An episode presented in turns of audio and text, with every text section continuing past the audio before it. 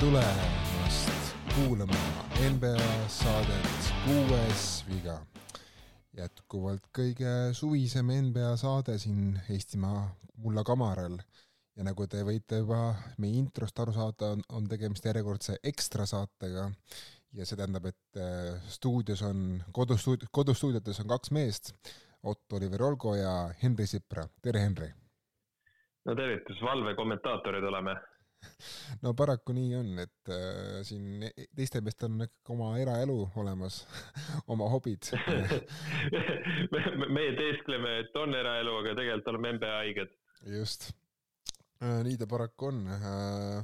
aga miks me siis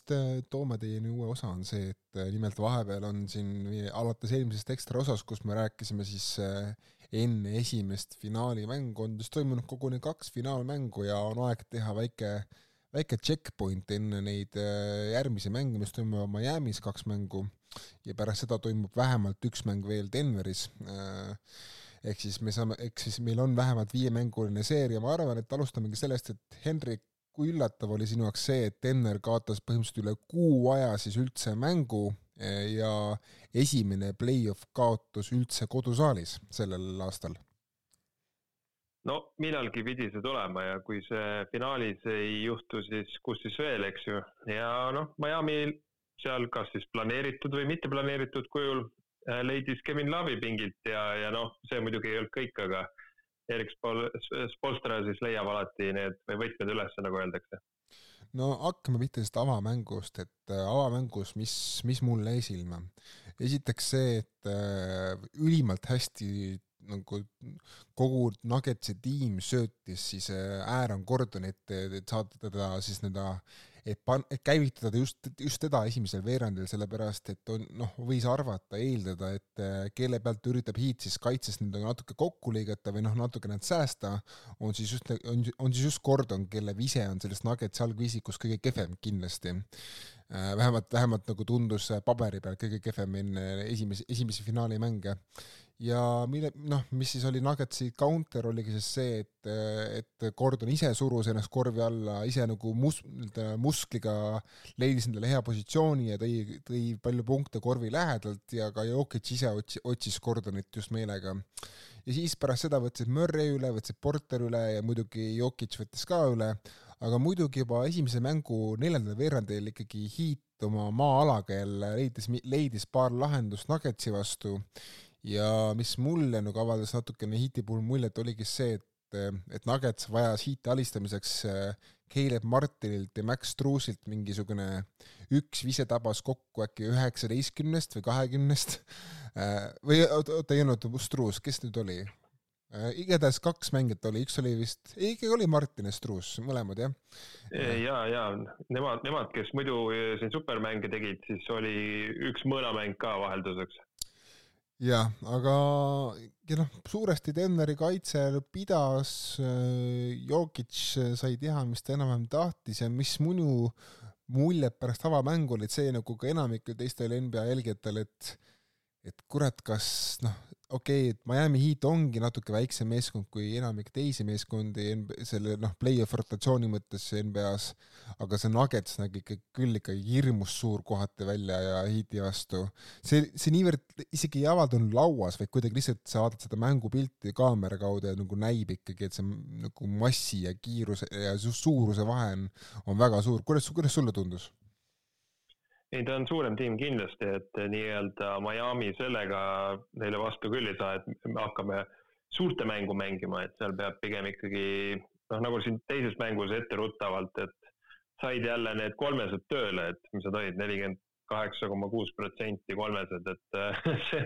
mis nad olid, mingid ajaloolisel kursil nagu see äh, Gold State Warriors, mis viskab kolmesed või isegi paremini praegu, et see on täiesti müstika jah, sellest hiitist on, kolmestest on palju räägitud, esiteks kogu see play-off võrreldes põhihooajaga on olnud ikkagi hiiti rollimängijate poolt ikkagi erakordne just kolmeste tabavuse mõttes, aga see on võrreldes selle hoo, selle põhihooajaga, sellepärast et eelmisel aastal, kus hiit oli idafinaalis ja oli kõigest ühe Butleri viskekaugusel, et saada finaali, siis äh, oli ka hiit ikkagi liiga tipus seal kolmeste tabavusprotsendi mõttes just ja ka noh, justkui tegelikult võib-olla ongi see, et leidsid lõpuks selle vormi üles alles play-off'i ajaks uuesti,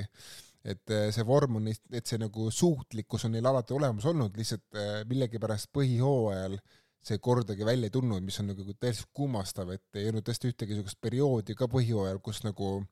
oleks aru saada olnud, et miks ikkagi see just nii oli. Ja ma ei, ma ei ole nõus ka nendega, kes ütlevad, et jah, et Heat ei pingutanud põhijooajal, pingutasid küll, nad ikkagi pingutasid päris, päris palju, aga lihtsalt eri põhjuste tõttu nagu see, see ei tulnud neil kunagi nagu pikemalt välja.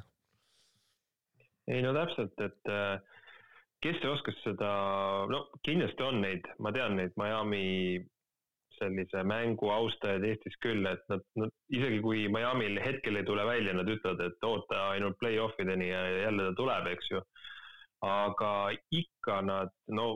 ikka nad üllatavad, no seal pole midagi öelda, et see, et Denver selles asukohas on, see ei ole ju mingi üllatus, aga noh, Denveri puhul ma isegi ütleks, et neid on natukene kuidagi ignoreeritud või vähemalt tundub nii, et on ignoreeritud, et, nii hea meeskond, et siin kõik ütlevad Lebron, et äh, ma ei tea, mis aja peale kõige parem meeskond tal vastas, et nii hästi kokku pandud, Aaron Gordon on seal, suudab kõiki vendasi katta seal, kaasa arvatud Lebron ja keda kõike ta võttis ja läks ka natuke võib-olla õhku täis selle peale. aga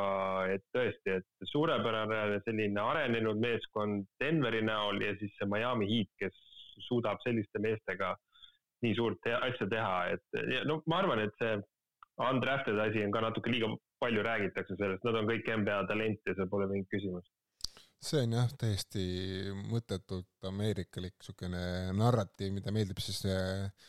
NBA reklaamijatel ja teleinimestel teha, et maalida niisugust mingi suuremat pilti sellest finaalist. aga muidugi, mis ma arvan, et võib-olla tegi natukene mitte küll, mitte ajakirjanikke, kes pakkus pärast esimest mängu, et ah, Nuggets võtab sealt neli-null või neli-üks seeria ära, aga mis nagu võis teha nagu targemad inimesi natuke murelikuks, oli see, et ikkagi noh, ma ei tea, palju sa vaatasid seda esimese mängu järgset pressikonverentsi, aga juba seal Michael Malone ikkagi oli ikkagi üpris kriitiline oma tiimi suhtes, et, et ta nagu kohati ikkagi ei saanud aru, et kuidas, kuidas me saame finaalis mängida ühte oma play-off'i kehvemat mängu noh, tunnust-, tunnustades, tunnustades natukene selles ka Heat, aga ikkagi enamjaolt ikkagi süüdistades oma, oma mehi selles ja no kuidagi nagu oli kummaline tõesti näha, et, et, et Malone pärast võidukat avamängu, noh, võrdle, võrdle näiteks seda tema reaktsiooni võrreldes selle Lakerisse seeriaga, kus ta ikkagi oma meestega oli palju rohkem rahul, et eh, natukene juba, juba kuulutas kurja. jah, seda tundus küll, et ja nüüd vist teises mängus mulle kohe esimese mängu rotatsiooni tuli meelde, aga kaheksa mehega mängis, eks ju, Heat mängis nüüd kümne mehega. et äh, Malone'il on need nõrgad kohad ikkagi olemas seal tiimis ja, ja Spolstra teab neid hästi. et selles suhtes male on korralik, et mõlemad meeskonnad äh, on suutelised järgi tulema või eest ära minema ja võitlema ja, ja lõpuni pole ju selge, see teine mäng ka, mis läks Miami'l, see oli viimase viskeni ei olnud selge, kas läheb lisaajale või mitte ju jah, ja no neljandat veerandit alustas Nuggets ikkagi noh, päris normaalsest eduseisust ja läks vaja ikkagi noh, paari imelist minutit Duncan Robinsonilt, kes tõi kümme punkti paari minutiga, et, et see kogu see neljas veerand pöörata pea peale, et ma vaatasin ka siin play-off'i vältel neid hiidi pluss-miinus nii-öelda üldnumbreid, siis ma vaatasin, et vaata vastu selline pilt, et esimene veerand on niisugune õrna plussis, teine-kolmas veerand selgelt miinuses ja neljas veerand on, nad, nad, nad noh, teevad kahe ringiga kõik, kõigile teistele tiimidele nagu ära, et eh, neljas veerand on Heat olnud ikkagi täiesti ületamatu tiim võrreldes kõigi teiste play-off meeskondadega. jah, seal Heatil just see ongi päris naljakas, et kuidas neil on vaata Butler, eks ju, kes seal ootuspäraselt hakkab tassima ja siis võib mingi Duncan Robinson olla, võib-olla Gabe Vincent, see mees, kes eh, seal viskab kümme punkti. Caleb Martin. Caleb Martin, et eh, ne, neil on nagu kui, kui, kui mõne tiimi kohta öeldakse, et kahe peaga lohe, siis nad on seal päris mitme peaga, niisugune väiksema peaga lohe, siis ütleme nii. No võtame ette siis ühe nõrgalüli ka, kelle, keda Spolster hakkas selgelt nagu võib-olla noh, ma ei, ma ütleks töötlema, ma pigem Malone töötleb nüüd seda meest, aga Michael Porter Jr on siiamaani tabanud ainult vist üks või kaks, ühesõnaga ikka ta on ikka, ta, ta on seal kaugviske kaare tagant avanud ikkagi väga vähe viskeid esim-, esimeses kahes finaalmängus. kas ma vaatasin õigesti, et üks ise seitsmeteistkümnest, vist midagi, midagi sellist oli, oli see number, et tõ-, tõesti on nagu käsi täiesti paigast ära ja teise mängu järgselt siis Malone ikkagi ütles, et et me ei saa endale kaasa tunda, kui meie visked ei lähe sisse, et me ei saa ennast haletseda, me ei saa kaotada oma tuju, oma, oma intensiivsust kaitses ja üldse me ei saa nagu, me ei saa lihtsalt suhtuda, suhtuda finaali niimoodi, nagu, nagu mõned mehed suhtuvad. ja noh, enamik luges sellest välja ka konkreetset kriitikat eelkõige Porter Juniorile ja kaudselt ka Caldwell Pope'ile, kes võrreldes Lakersi seeriaga on ikkagi olnud ka oma viskega päris hädas. et no kas sa kardad, kas sa arvad, et see Michael Porter Jr.i niisugune ütleme nii, et väga, väga heitlik mäng esimeses kahes mängus võib tähendada näiteks seda, et Malone toob Bruce Browni lõpuks algviisikusse? ta võib seal proovida küll, et eh, noh, vaata, kui seal visked osadel ei lähe, siis eks ju Jokic võtab automaatselt seda äh, viset nagu enda peale, nüüd ta vist viskas teises mängus nelikümmend üks ja kaotasid. ja siis Grant Hill vist oli see mees, kes Ruusa meedias tõi välja, et äh, need mängud, kus äh, Jokic seal nelikümmend pluss viskab või isegi viiskümmend pluss, äh, on neli-neli, et äh, see, kui ta hakkab seal metsikult viskama, see ei ole kindel võit, et pigem ta peab oma seda kolmikduubli mängu mängima ja võib-olla ka kakskümmend, kümme, kümme, eks ju, aga siis tulevad need võidud. et noh, kui sa statistikast otsid seda kohta. aga jah, seal Porteriga ju otsiti ka mingi moment välja, kus ta äh, viskas peale, kui korvi all oli kaks või kolm venda olid täiesti vabad, vaata, et seal vist üks pilt liikus ka, et muidugi pildid kunagi ei anna sellele situatsioonile nagu au, aga et Porter nagu noh, annab minna, et tal on see enesekindlus visata, aga, aga ei taha minna, vaata, ja siis ta unustab võib-olla ka söötmise natuke ära. no seda ja teiseks muidugi ma nagu noh, lihtne on öelda, et Jokic, et noh, sööda rohkem, aga kui ikkagi Heat pärast avamängu niivõrd targalt paneb kinni kõik need söödutunnelid ja, ja noh, nüüd ta näeb ette Jokitši sööte mingis mõttes isegi käik ette võrreldes äh, avamänguga eriti, siis äh, ei saa ka Jokitšile ette heita, et nagu, et ma ei tea, tee rohkem, et ma ütleksin, et siin on pigem nagu küsimus ülejäänud, ülejäänud Nuggetsi mängijates ja Michael Malone'is, et kuidas ikkagi kui, kui pall on Jokitši käes, et kuidas siis nüüd teha niimoodi, et ikkagi kõik teeksid katteid niimoodi, et ikkagi vähemalt üks mees saaks vabaks, kellele Jokic saaks ka sööt, sööta, et eh, ma nagu näen, et siin ei olegi niivõrd Jokic'i tehas, et see et nagu mängu tulemus, vaid pigem on see ikkagi ülejäänud neljas mees seal platsi peal kinni. ei muidugi, muidugi, see Jokic juhatab neid asju, eks ju, aga noh, tulebki nagu seda Jokicit seal nii palju segada kui võimalik ja neid eh, temale siis eh, ütleme ta võib igale poole selle söödu panna, aga ikkagi ta ju otsib kindlatest kohtadest neid mehi, et äh, noh, see Kevin Love'iga vaata sai väikese muutuse sisse tuua, et et Kevin Love'i on tegelikult puhas nauding vaadata, et ta seal need otsustavatel hetkedel need kolmesed, noh, ta tuleb ja viskab selle ära, see kolmest kaks või, või mida iganes. aga see, kuidas Kate Vincent seal kuuest neli oli vist teises mängus ja siis äh, Struss oli kümnest neli ja no need protsendid, need on ikka metsikud protsendid on metsikud, mängijate enesekindlus on metsik ja noh, seda, see kõik on toimunud siiamaani Heati poolelt ka niimoodi, et Caleb Martin on esimeses kahes mängus olnud on olnud see Caleb Martin, keda mina tean et, et, et see Bostoni vastu esinenud Martin oli ikkagi minu jaoks täiesti mees metsast, et ma tõesti ei saanud aru, kuidas kurat endale Heat leidis uue Kobe Bryanti kuskilt. aga, aga no nüüd on ikkagi Martin tulnud tagasi maa peale, tal on muidugi haigus ka, et see ei ole lihtsalt see, et Nugget seda head kaitset, vaid Martin ikkagi maadleb viirusega. Ähm, aga tõesti, et noh, sa ütlesid, et Heat ei võida suurusega, noh samas samas see Kevin Love'i sissepanek, nagu sa välja tõid, mingis mõttes oli ikka väga-väga konkreetne, väga konkreetne vastus no, no, Nuggetsi suurusele Spoelstra poolt ja mida ma veel nagu panin tähele, on see, et see, see käik siis mingis mõttes ka muutis Heati kaitset, ehk siis äh, Butler pandi nüüd väga konkreetselt ikkagi Jamal Murray peale, et, et, et noh, ka Steve Curry ja Raymond Green tegelikult teevad seal oma podcast'is, ütlesid, et Murray on tegelikult selle Nuggetsi vedur, mitte niivõrd Jokic ja kuna Butler pandi Murry peale, siis äh, said ülejäänud mehed ka endale uued assignment'id, et äh, ja mulle tundub, et ma edaspidi selle seeria vältel ma oleks väga imestanud, kui keegi peale Butleri saaks nagu endale ülesandeks põhilise mängumehena kaitsta Murryt jah, mul on ka, nüüd tundub eriti see, et äh, Spo sai nagu selles mõttes aru, et, äh, et noh, tuleb erinevaid asju proovida, aga et ei, ei ole vaja seda Jokitsit nii palju karta, et Jokits teeb ikka seal oma asjad ära ja näed, ta viskaski nelikümmend üks punkti. aga kui sa seal Murry äh, nii-öelda elu rikud natuke ära, siis, siis on võimalik neid võita, noh, et siis seda nii-öelda two-man show'd ei ole, on pool, poolteist man show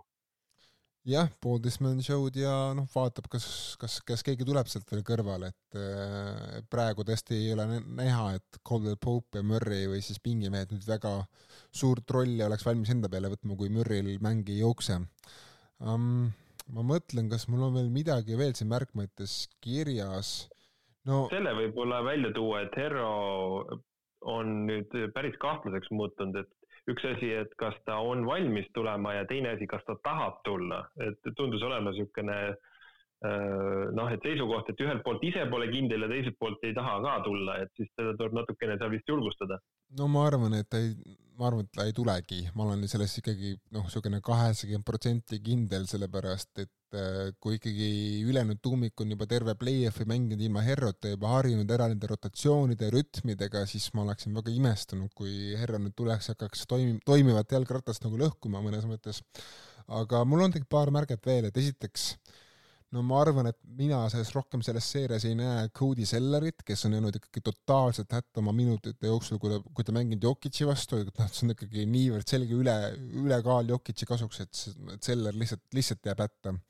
ja teine on see, et äh, kui ma vaatan siin praegu Heati resultatiivsemaid mehi, siis äh, Butler toob praegu neljakümneprotsendilise üldtabavusega seitse, seitseteist punkti selles esimeses kahes mängus keskmiselt ja Miami't juhivad siis Gabe Vincent ja Bam Adebayo. ja noh, Vincentist me nüüd natukene oleme rääkinud, natukene ei ole, tegelikult tegemist on ikkagi mehega, kes on just sel hooajal äh, löönud siis õitsele, võt-, võttis üle Kyle Lauri koha algviisikus ja tegemist on noh, terve play-off'i vältel on ikkagi Vincent tohutult põmmutanud kaardega, nagu Ardo on ka välja toonud. Aga Bam Adebayo mingis mõttes on mees, keda me oleme siin rohkem laitnud ja kritiseerinud, aga kurat, see vend on praegu ikkagi esimeses kahes mängus ikkagi teinud täiesti oma töö ära ja ta väärib kõiki neid miljoneid, miljoneid, mis ta on, mis ta nüüd saab, kolmkümmend miljonit, mis, mis iganes see number on et kaitses on, on teinud väga head tööd ikkagi Jokitsi vastu, nii head tööd, kui saab teha Jokitsi vastu ja ründes ka, ta ei ole, ta ei ole ainult skoorija, ta, ta, ta on küll praegu olnud keskmiselt üle kahekümne punkti mängu kohta, aga ta on ka playmaker ja ta nagu selles mõttes nagu dik-, dikteerib rünnet, et et ma arvan, me natukene ikkagi peame rohkem Bämmi edaspidistes hooaegades kiitma. ei kindlasti, et see, et tal seal mõned seeriad minevikus on natukene sinna-tänna läinud, et see tuleb ära unustada, et ilma Bämmita ei oleks Miami mitte kuskil, et nende teiste meestega vaatagi, ütleme, et mis nimed seal tulevad, Caleb Martinid ja asjad, aga Adebayo on liiga top nimi, noh, seal ei ole mingit küsimust. tema on, noh, Butleri vaata üldiselt pannakse seal kõige kõrgemaks eh, meheks, aga no Adebayo on kohe, kohe selja taga nagu või isegi mõnikord olulisem mees jah, no seda enam, et kui sa vaatad ka seda hiiti rotatsiooni, siis okei okay,, noh, selles seerias nüüd jah, võib-olla Love, Love'i olulisus natukene kasvab, aga nagu kui sa vaatad üldiselt seda rosterit, siis ainukene pikk mees, kellel on mingi, mingisugust lootust saada üks-ühele Jokic'i vastu noh, hakkama mingil määral või Gordoni vastu või Michael Porteri vastu isegi, on Adebayo, et, et jah Haywood, Highsmith ja Butler võivad nagu segada oma pikkuse ja oma kaitsega, aga, aga noh, selles mõttes pikkuse mõttes on ikkagi Adebayo seal ikkagi noh, ankur, et kedagi teist polalist asemele võtta ja seda näitab ka need Selleri košmaarsed minutid. täpselt, täpselt, et et äh, ma pakkusin välja, vaata, et Seller seal saab oma võimalust ja on ka saanud, aga noh, ütleme nii, et ta peab seal siis selle kü kü kümne minutiga, ta peab endal selle kolmkümmend minutit seda võhma välja tal kohe jooksma, et, et, et tal on raske, aga, aga siis noh, vaatame, kas saab veel variandi või, või on sunnitud siis saama veel mingid minutid. No kas sa arvad, et see Malone'i nüüd see avalik nii-öelda lamendi löömine ja kuidagi avalik nagu noh, oma tiimile mingis mõttes ka puud alla panemine kas see on nagu pikas plaanis nüüd siin finaali mõttes nagu hea, hea taktika, selle, arvestades seda, et ikkagi tegemist on finaaliga, kus pigem võiks justkui ju meestele enesekindlust sisendada, mitte, mitte, mitte nagu niivõrd neile kogu aeg puid alla laduda, nagu Malone on seda teinud esimeses kahes mängus, samas tegemist on finaaliga, et, et Nuggets pole kunagi varem finaalis olnud ja ma saan Malone'ist inimlikult aru, aga kui ma võrdlen teda näiteks Polstraga, kes on olnud ikkagi mõnevõrra, okei okay, noh, Polster pole võidukoormat ja võidukohustust peal, aga ikkagi kuidagi paistab välja see, see nii-öelda Malone'i närvilisus võrreldes Polstra nii-öelda kogemusega. ei kindlasti, ega Spo läks ka seal ühe küsimuse peale aastasse, kui seal, mis oligi, et untrained eye ütles seal ühele äh, reporterile, aga. kuule, aga et, korraks, korraks, kui sa juba mainisid selle ära, no ma natuke tahan rantida siin üks, ühe minuti, et et okei okay,, see noh, küsimus oli siis selline, et Ramona Shelburne, naine, kes töötab ESPN-i ajakirjanikuna, kes on tuntud niisuguste väga pehmete lugude poolest, eriti just Los Angelese Lakersi lugude poolest siis küsis Polstrat, et jah, et ma tean, et see on natuke ülelihtsustamine, aga kas teil õnnestus ikkagi täna muuta Jokic rohkem skoorijaks, mitte söötjaks, noh, niisugune tõesti nagu lihtne küsimus. Ja siis. ja, et need, need neli, neli, neli söötu oli seekord, vaata, et, et siis sealt luges nagu või, või, või pani selle õhku nii-öelda. ja siis noh, ja siis Polster ütleski nagu sa välja tõid, et, et jah, et seda ütleks ainult inimene, kes, kes nagu põhimõtteliselt ei ole kossu mänginud ja kes, kes ei mõista korvpalli, aga nagu noh ma julgeks väita, et no ma ei tea, praegu siin finaali reitingud, et vaatas esi, esimest mängu, mis, mis ta oli, mingi seitse miljonit või seitse, seitse pool miljonit või oli see rohkem üheksa miljonit, vahet pole isegi. ma olen kindel, et lõviosa neist nagu saab mängust suht samamoodi aru nagu see Ramona Shelburne. et selles mõttes minu arust see küsimus tegelikult nagu noh, ma saan aru, miks see Spoelstra sugust geeniust närvi ajab, aga selles mõttes, et see küsimus on õigustatud, et mina nagu natukene ei saanud aru sellest Polsteri reaktsioonist, et mis, mis nüüd toimub? ei ta noh, ma arvan, ta võttis sellise äh,, ma, ma, ma üritan, vaata, ma ei tea seda, aga ta võis võtta selle kaitsepositsiooni, et vaata Jokitsit äh, justkui vaata see Ameerika meedia üritab pisendada vaata või, või leida seda nurka, miks ta ei ole nii suurepärane, siis ta kohe rõhutas ära selle momendi, et Jokic ikkagi kahekordne MVP ja see kolmas oli ka põhimõtteliselt õhus. et äh, see, et ta üks mäng paneb kümne söödu asemel neli, see ei tee tast rohkem skoorijat või kehva söötjat, vaata. et noh, see on jah, ma saan ka sinu mõttest aru, et äh, Shelburne vaata lihtsalt tahtis võib-olla, et see lihtsustatud küsimus nagu räägitakse lahti Spolstra puhul vaata ilusti lahti, aga lihtsalt ma arvan, et Spolstra oli nii väsinud ta ei jaksa. no ja, küll et..., küll, küllap jah, jah. nii äh,, kas sellega meil on finaali mõte praegu öeldud, et äh, võib-olla siis me ei teinud tegelikult finaali eelvaates siin oma ennustusseeriat, no nüüd, kui me oleme kahte mängu näinud, siis äh, mis sa arvad, kui pikaks see seeria läheb siis lõpuks ja kes võidab, et ma tean, et ennust-, ennustamine on nagu loll töö ja lõpu saab alati siis äh, hamba peale need, et aa, sa näitasid valesti, sa, sa, sa, sa panid, mis ekspert sa oled, et ei, ei osanud võitjat ette näha, aga no proovime ikka, et kasvõi lihtsalt enda, enda üle naermiseks, kui, kui, kui ei midagi muud. et äh, no ma alustan siis ise äh, see teine mäng pani mind kahtlema ikka päris, päris tõsiselt, kusjuures nagu Nugget siis ma praegu ikkagi ütlen äh, Nuggets, Nuggets. kuuega? seitsmega, ütlen mina. ma, ma jään sinna, mul, mul sisetunne ütleb, et ja kihvt oleks, kui läheb seitsme peale, aga ma, mul on tunne, et ikkagi äh, kuuega võtavad ära ma ise arvan seda, et Miami nüüd võtab kodus ikkagi vähemalt ühe ära. ja, ja kui see seeria läheb tagasi kaks-kaks seisul Denverisse, nagu ma praegu ennustan, siis jah, ma Game viies paneks tõesti panused ikkagi Nuggetsi peale, aga ma millegipärast nagu, mul on kuidagi nagu see Game kaks jättis mulle niisuguse väga kurja nagu ussi hinge, et et kui nüüd peaks Nuggets kaotama või noh, kui nüüd Michael Porter Jr peaks oma enese, enesekindlust ikkagi ära kaotama selles seerias, see jätab päris olulise augu Nuggetsi ründesse ja ma ei ole kindel, kas Murray ja Jokic suudavad kahekesi seda Miami Heati kaitse vastu ära täita. no ma, ma vaatan ka seda kahtepidi, et samamoodi võib ka see noh, et Miami on ka suuteline mänge mängima nii, et ta ei viska kolmeseid seal meeskondlikult nelikümmend kaheksa protsenti, et ta on seda väga hea protsendiga ajalooliselt suutnud seal heade, heade snaipritega, aga aga Malone, ma arvan, ei, teeb nüüd kõik selleks, et need numbrid jälle nagu esimeses mängus oleks. aga ühtegi pakki, ma tahaks küll öelda, selles seerias ei tule. pakki ma ei näe mitte kuskilt, et võib küll tulla see kümme punkti läheb ette, aga võtab järgi lõpuks ja ikka jääb mingi lähivõitlus vaata, siin ma sinuga nüüd nõus ei ole, et ma ennustan, et vähemalt ühte pakki me näeme, võib-olla isegi kahte ja kui need pakid tulevad, siis need tulevad nagu ma ise pakun, et tulevad Heatile, mitte isegi Nuggetsile, sellepärast et nagu Nuggetsi nii-öelda see baastase on minu silmis palju kõrgem, kui seda on Heati oma, lihtsalt äh,, lihtsalt noh, küsimus nüüd ongi suuresti meeste vaimses pooles, et äh, siiamaani play-off'i, play-off'ist näidatu põhjal ma ütleksin, et nagu Nuggetsil on nii-öelda kõrgem põrand võrreldes Heatiga mm. -hmm, see on kindlasti jah, et äh, pigem selle kõrge põranda lõhkumine ongi siis Heati töö, et ta nagu kohe algusest äh, üritab selle nii-öelda äh, ära, ära halvata kuidagi nii ta on. Ja lähme siit edasi paari, paari sõnaga siis ka noh, Monty Williamsisse vahepeal NBA kõige kallim peatreener, peatreener, kes veel ei tea mil, mingil põhjusel, et ta saab siis edaspidi kolmteist miljonit dollarit hooaja eest, me natuke rääkisime seda eelmises, eelmisel korral, ma mäletan, aga aga kui ma nägin seda numbrit lõpuks, ma olin küll ikka korraks nagu pahviks löödud, et kas see nüüd ongi treenerite siis uus reaalsus, noh, nii nagu mängijatel kasvab palgad, siis ju viis ka treeneritel.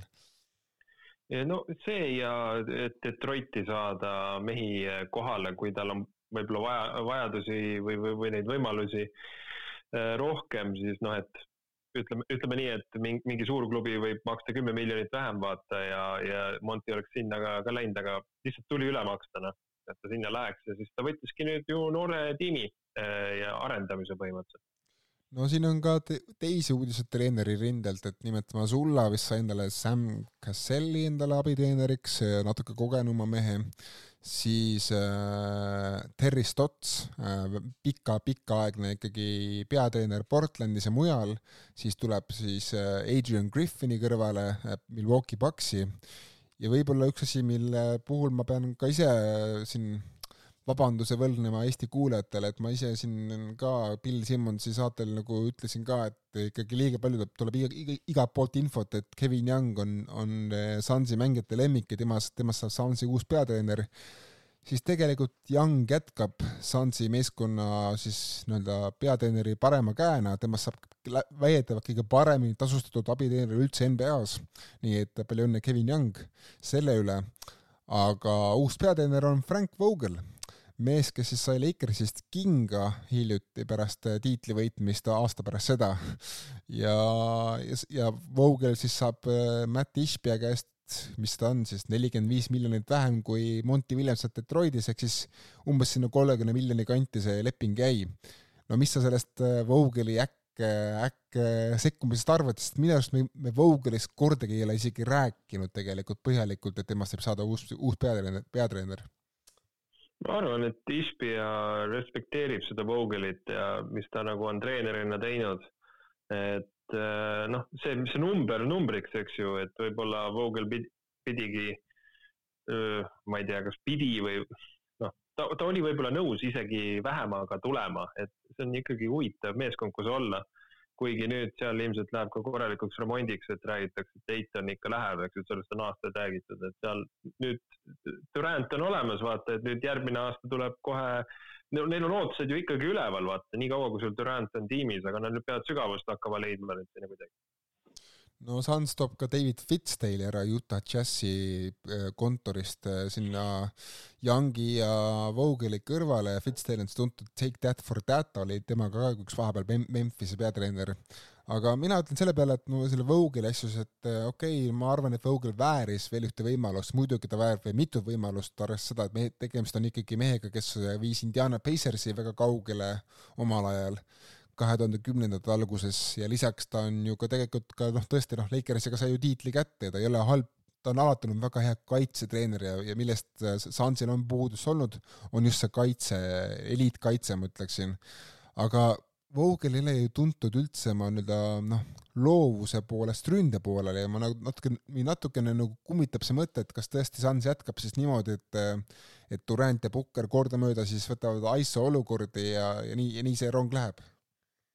Mulle tundub, et noh, Young oskab ka seal midagi teha, aga Chris Paul muutub nüüd siis ründetreeneriks jah, võib-olla tõesti. Ah, ja siis äh, muideks selle Rocketsi endine peatreener Stephen Silas liitus ka Monty Williamsi nii-öelda trupiga, nii et tema sai ka endale uue töö ja James Borrego läks ka kuhugi, ma kohe vaatan, kus see oli. aga Torontos pole veel selge, kas Cariolo sinna saab? Äh, ei ole seal üldse Torontoga päris, päris palju lahedaid nagu kuulujutte, et Toronto on ikka väga rahvusvahelist otsingut tegemas, et lisaks, lisaks Cariolole on seal, on on seal ka see noh, Fernandes, eks ole, Kingsist, siis seal oli vahepeal räägiti isegi Šarunas Jassikevitšusest, et, et vähemalt tehti mehega intervjuu korraks uuesti, et kas on nõus nagu proovima üldse. ja seal oli ka teisi huvitavaid nimesid ikkagi, et Toronto panustab Euroopale päris hästi jaa, no see kokkuvõttes vaata nende treeneritega, et eh, Toronto noh, on ennegi teinud ja, ja miks mitte proovida. ja no Scariolo puhul ka, et see ei ole nagu põõsast otsitud nimi, et ta on ju seal enne, enne tööd ju saanud teha juba niimoodi kõrvalt. jah, aga temast saaks ikkagi noh, ma nüüd eh, kindlasti teen liiga juuti, juutidele kogu, kogu Eestis ja kõik, kõik, kes me kuulavad aga temast saaks esimene Euroopa peatreener võib-olla siis kogu NBA-s, sellepärast et noh, David Platt minu arust ei saa päris lugeda tegelikult selleks meheks, et eh, Scariolost saaks ikkagi noh, päris peatreener, kui ta selle ameti lõpuks võidaks. Ei, seda kindlasti. Ja no vaata see Kokoškov, vaata seal ka Sansis sai proovida kunagi korra peatreener olla, aga noh, Kokoškov nüüd seal vist on veel liigas, aga ta Kokoškov liitus, ja ta liitus nüüd Quinn Snyderi tiimiga Atlantas noh, seal on tal ka hea, Snyderiga kõva tuumik, väga kogenud, väga kogenud äh, treeneripink. ja ma vaatasin, James Borrego, endine Hornetsi peatreener, tema siis läks äh, New Orleans Pelicansi Willie Green'i paremaks käeks ja ta teenib, teenib ka veetavalt nüüd päris korralikku raha ja Pelicansist rääkides paar sõna ka nende kohta, nad äh, hiljuti lasid lahti kogu oma meditsiinipersonali ja nüüd mul on küsimus, Henri, sulle, et mis sa arvad, kui väga see on seotud Zion Williamsoniga? No sada protsenti ja eks seal Ingramiga oli ka muresid natukene, et nad, nad, nad on ilmselt seal rohkem kui üks möödalasku on toimunud. kas see kõik on nende süü, aga lihtsalt nad ei sobi selle töö peale, sest et küsimus on, kas sa lased Zioni minema või sa lased personali minema, siis lasti personal no kes ei tea, siis see Pelicansi endine meditsiinipersonal, noh, need, kes just olid ametis, nemad töötasid enne Phoenix Sunsi jaoks kahe tuhande kümnendatel, kus siis Suns saavutas väga palju edu just äh, katkiste mänge ülesputitamisega. paraku see ei jätkunud, see hea sooritus siis New Orleansis. Äh, võtame äkki paari sõnaga ette ka USA, USA koondise teema. jah, et seal päris head nimed tundusid olema, et äh, päris Durante asju seal ei olnud, aga see oli Jaren Jacksonid ja Ingramid ja siuksed päris, päris head nimed olid nagu ennast pannud, Mikal Bridges, et selles suhtes kõvad nimed. no võtame siis loe, loetleme need nimed täpselt siis ette ka äh,. nimed siis need mehed on, kes praegu on ennast äh,, kes praegu on seda kinnitanud äh,. esiteks Lakersi mees Austin Reaves Timberwolvesi noor täkk Anthony Edwards, kellest tõenäoliselt saab ka selle tiimi üks liidreid, Paxi äh, varu, oluline varumees Bobby Portis, siis Jaren Jackson Jr, äh, Michael Bridges, Tyrese Halliburton, võib-olla põhimängujuht selles tiimis isegi, ja, ja lisaks räägitakse, ka Jalen Branson on andnud äh, nõusoleku ja kui Branson on muidugi andnud ka, siis läheb Bransoni ja Halliburtoni vahel kõvaks võitluseks, aga eks me näe seda no see on, see on positiivne konkurents, vaata, see teeb head neile. no aga siiski ma ütleksin, et eh, kui sa võrdled seda kaks tuhat üheksateist tiimiga, kus tiimi vedasid noh, ikkagi oma parimatest mängiaastatest natukene kaugenenud Kemba Walker ja verinoored Tatum, eh, Mitchell ja kes seal veel olid Äh, Chris Middleton oli seal ka, siis ma ütleksin, et see praegune tiim tundub mulle esita-, esiteks palju loogilisem ja teiseks nagu kuidagi palju seksikam, et äh, palju rohkem niisuguseid nagu noori täkke, kes, kes alles avanevad liigas. ei no seal, seal, seal tuleb kihvt punt ja seal tuleb ka teisi kihvte koondiseid, et seal saab veel nalja, et head nimed on olemas ja ma arvan, mõni suur staar hüppab sinna veel sisse jah, ma suure staarist ise, ise natuke kahtlen, sest eh, millegipärast sinna MM-ile nagu kuidagi suured staarid eriti ei kipu, kuigi Edwards nagu isegi annab selle mõõdu välja ja, ja Halliburton ka isegi mingil määral. noh, meile annab, ma arvan, et tavavaatajale mitte. aga, aga selles mõttes nagu noh, praegu on ju mitu kohta veel täitmata ja, ja kui tõesti Branson liitub ka, siis tegelikult Branson, Edwards, Jared Jackson, kes on NBA parim kaitsemängija sellel aastal no see on juba päris kõva trio, kelle ümber ehitada ülejäänud tiimi kokku. jah, ja seal, see oleks tegelikult ka,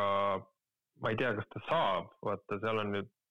legaalselt, aga ma ütlen, Morantil oleks võimalik enda imagot heastada kuule, me peame rääkima nüüd Morantist, kui sa ta välja tõid, et äh, Adam Silver ütles finaalseeria alguses, et äh, et on tehtud mingisuguseid lisauurimisi selle Morantiga seoses, et äh, nad ütlevad ja Moranti karistus on tegelikult teada, aga nad ütlevad selle välja pärast finaalseeria lõppu, et mitte siis nii-öelda segada kogu seda meediatralli, mis praegu ümber Nuggetsi ja Heat'i tiirleb, no selle Silveri sõnajutu puhul, sõnavõtu puhul mul jääb küll mulje, et äh, Morant võtab siin päris pikk, äh, päris pikk mängukaristus no mingi nelikümmend mängu, et enne kaht tuhat kahtekümmend nelja me teda ei näe, et seal tegelikult rahaliselt hakkab vist viieteist või kahekümne mänguga, et see all NBA ära võtta ja edasi siis on äh, veel nagu topelt veel peale, seal, seal on igasuguseid neid, et allstaril ei mängi ja asjad, eks ju. et sealt siis saab äh,, igatepidi saab mehe äh, nagu väga meeldejääva karistuse vennale teha no siin mul nüüd hakkabki olema huvitav küsimus, et noh, et kõige tõenäolisem variant on jah see, et Grizzlies on järgmisel hooajal nagu oluliselt nõrgem tiim, kes, kes äh, hakkab võitlema seal oma koha eest seal lääne konverentsi noh, top kaheksa lõpupoole pigem, aga samas, kui Tyus Jones nüüd äh, suudab kuidagi selle Grizzliesega ikkagi hoida seda top neli taset, mille pärast Grizzlies on tuntud olnud viimased kaks aastat, siis siis no mine tea. No ma ei ütle, et ma, ma ei ütle, et Kristis hakkab vahetama oma variante, seda mitte, aga, aga noh, ütleme nii, et tekiks järjest rohkem küsimusi, et et kui iseenesest, Tyus Jonesiga asjad sujuvad, siis võib-olla oleks mõistlik nagu kasutada ära seda hetke, et kui Morant tuleb tagasi, siis nii-öelda lasta Morantil mängida ja mõned mängub väga, väga heal tasemel ja siis noh ikka, ikka hakkavad peas mingisugused mõtted tiirlema, et kas, kas mul on vaja järgmiseks viieks-seitsmeks aastaks seda peavalu enda tiimi? nojah, et, et seal, seal nüüd on õnneks kaua aega mõelda ja siis uudiseid ilmselt oodata siin juuni teises pooles peale play-off'e. noh, kui, kui nii-öelda karikad ära jaotatud, siis tulevad need uudised nii on. Ja ma lasen sul, kui sa ikkagi meie Tallase, Tallase üks äh, põhifänne, kuigi sa oled viimasel paaril kuul sellest nagu rongist eemale jäänud, siis ma lasen sul rääkida lahti nüüd selle viimase minu, minu jaoks täiesti olematu loo, aga kindlasti paljusid NBA Eesti fänne huvitab, et äh, kui, kui siis, kui siis tõepõhi on all nendel Kyrie Irving ja Lebron James ja Luka Doncic Tallases juttudel no ma sain aru, et seal ikka Shamsid ja sellised tõsiseltvõetavad mehed raporteerisid, et Kyrie Irving päris tõsiselt siis äh, kuna ta vist teiselt poolt nägi, et äh, I am fine in Lakers äh, nagu Lebroni poolt oli juba teada antud, aga et ta siis väga mõjukalt ikkagi kuidagi uuris välja, kas siis äh, läbi agentide või mida iganes, noh, nii nagu ikka Kyrie Irving neid asju teeb, et kuule, et vahetame siin mingid mehed ära ja, ja siis tuled äkki hoopis Tallasesse nagu siis Lebronile nagu niisugune läkitus. aga noh, siis mis siin välja tuli, et esiteks Luka Doncic väidetavalt ei ole sellega väga rahul ja nagu ma aru sain, siis ega vist Lebroni ka see otseselt ei paelu, kuigi nüüd vist tuli üks kõlaks veel otsa, et, et Raymond Green võib ka osaleda selles stiilis, kui on mingi pidu, pidu kuskil vanurid kokku panna aga jah, ma ei tea, see, see on täpselt Kairi Irvingu käekiri, aga see, see ei olnud absoluutselt äh,, kuidas öelda, selle äripoolega äh, informeeritud äh, küsimine. jah, no ühesõnaga kogu see asi, juba vaatasin, kui oli see eelmine suvi, see draama selle Netsiga, Kevin Durant jättis ära ja seal tekkis igasuguseid Steve Nashi draamasid juba siis ma panin tähele, et kui Wojnarowski siis edestab eelkõige Netsi front office'i seisukohti, siis äh, Shams Charania teeb seda eelkõige Kairi agendi kaudu või Kairi kaudu. ja no Kair võib tahta mida iganes, ta võib tahta, et ma ei tea, et kuu oleks päike ja päike oleks äh, kusagil teises universumis ja kõik oleksid üks suur õnnelik, pere seal, siis, äh, siis noh, paljugi, mis Kairi tahab ja mõtleb tegelikult äh, selleks, et Lebron üldse oleks võimalik Tallasesse tuua,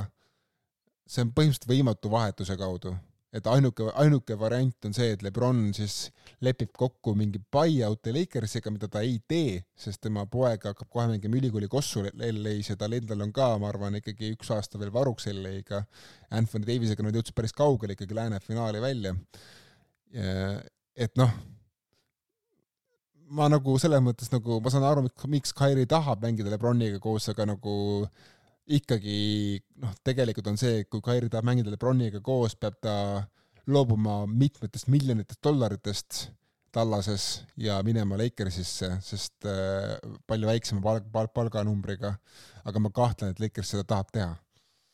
ei, seda ei juhtu, et Belinka just sai hea vahetusega hakkama seal Danny Ainge'i abiga ja sihukest lollust ta ei hakka tegema. ta ütleb, et Lebron, et uh, over my dead body, et et Lebron muidugi võib igast asju uh, nagu seal uh, võimeline olla tegema, aga ta saab ise ka aru, et see on talle igatepidi no-brainer rumal tegu no Mark Stein, kes on ka üks tuntumaid NBA reportereid, on öelnud, et äh, Kairi Irving on ise, ise nagu öelnud ikkagi Tallasele, et ta tahab ikkagi jääda Tallasesse, et äh, tema, tema eesmärk on tuua Lebron ikkagi ära, mida ei juhtu, ma ütlen uuesti. Äh, aga tema tahab jääda Tallasesse, mis on, mis on väga arusaadav sõnum, sest Tallas on tõenäoliselt üks, miks, üks väheseid kohti üldse veel maa peal, mis on nõus maksma Irvingule väga palju raha, sest nad on lihtsalt nii palju investeerinud sinna Irvingu projekti juba tänaseks sisse aga. ja, ja absoluutselt ja ma arvan ka, et ei pea nüüd Irvingut ka liiga palju äh, tümitama, et lõppude lõpuks ju Kobe kutsus kunagi Novitskit ka Lakersisse ja ta, ta küsis küsimise pärast, aga ta mingi osa temast kindlasti ootaski, et Novitski ütleb, et I m good in Dallas, vaata, et see on minu kodu. et, et samamoodi võis küsida ka Irving praegu ja, ja mis need taga on, et kas ta mõtles või ei mõelnud üldse, et noh, ta võib lihtsalt ka küsida jah, ja no Tallas siin teeb ka muid manöövreid, et nimelt siis on usaldusväärsed allikad öelnud, et äh, Jason Kiddi kõrvale taha, tahetakse tuua Jeff Hornaceki ja ja Jeff Van Gundit siis ESPN, ESPN-i kommentaatori toolilt, toolilt ära uuesti NBA-sse. noh head plaanid, ma kahtlen, kas see Van Gundy asi üldse paraku teoks saab, kuigi ma ise loodan seda, sest ma tahaksin kuulata kedagi teist peale Jackson, Van Gundy, et minu arust meie oma Eesti kommentaatorid teevad siin palju paremat tööd kui Jackson ja Van Gundy. Äh, Mike Breen'i kohta ma ütlen mitte ühtegi halba sõna, et Mike Breen on tegija. aga, aga jah, ma ise ei ole suurim Mark Jacksoni ja Jeff Van Gundy austaja. ega nad ju mingis, noh, nad ei ole seda kuidas nagu öelda, neil vist on see häda, et nad, nad on piisavalt kõvad vennad, et ne, nad ei kuule, mis neile öeldakse, vaata, nad ei arene kommentaatorina, et see ongi see häda, et siis nad on siuksed väga mitteneutraalsed kommentaatorid, siis on valus kuulata. jah, ja no Mark Jacksoni puhul üldse on väga palju küsitavusi, miks ta üldse eetris on, aga me ei hakka siia rohkem laskuma äh, hakkame siin vaikselt lõpetama siin oma saadet ka. Äh, aga enne veel, kui ütleme lõpusõnad, siis äh, minu, ma tavaliselt üritan vältida igasuguseid kossuväliseid teemasid, aga täna on minu süda Ukrainas, ma loodan, et kõik need Ukraina talumehed ja inimesed, kes, kelle kodud on üle ujutatud, äh, saavad endale pelgupaiga, saavad endale parema, parema koha, kus elada, ilma, ilma lollaka naabritega, kes tahab sõdida, sest nagu tõesti see tänane hommikune uudis tegi mind väga kurvaks ja ma loodan, et et Venemaa kaotab. see tegi ärevaks, see, see oli jah, see oli lihtsalt nagu, kuidas nagu öelda, igal eestlasel peaks olema eba, ebamugav, tähendab ja tahaks, et äh, see läheks üle ja me teeme kõik selleks, aga nagu noh, lihtsalt tulebki seni toimetada, kuni on see võidetud ja, ja siis teha nii, et siukest jama enam ei kordu ja ärge laske sellest nagu lollakast lehtmest ennast segada, et, et üks asutus osutus, osutuse lollaka inimese tõttu nagu ebausaldusväärseks, et annetage ikkagi Ukrainale, lihtsalt annetage targemalt, ega muud siin ei olegi midagi soovitada. just, et siukseid asju juhtub alati, et keegi satub valele teele ja, ja, ja siis tulebki leida see õige koht, sest et äh, sõda on kole asi ja sealt, seal ümber toimub igast asju. jah, aga aitäh, et kuulasite, aitäh, Henri, et leidsite aega, et minuga siin olla. Ja ma ütleme nii, et kui te meid varem ei kuule, siis ma arvan, et pärast neid Miami mänge ikka kuulete, nii et äh, kuulmiseni. olge mõnusad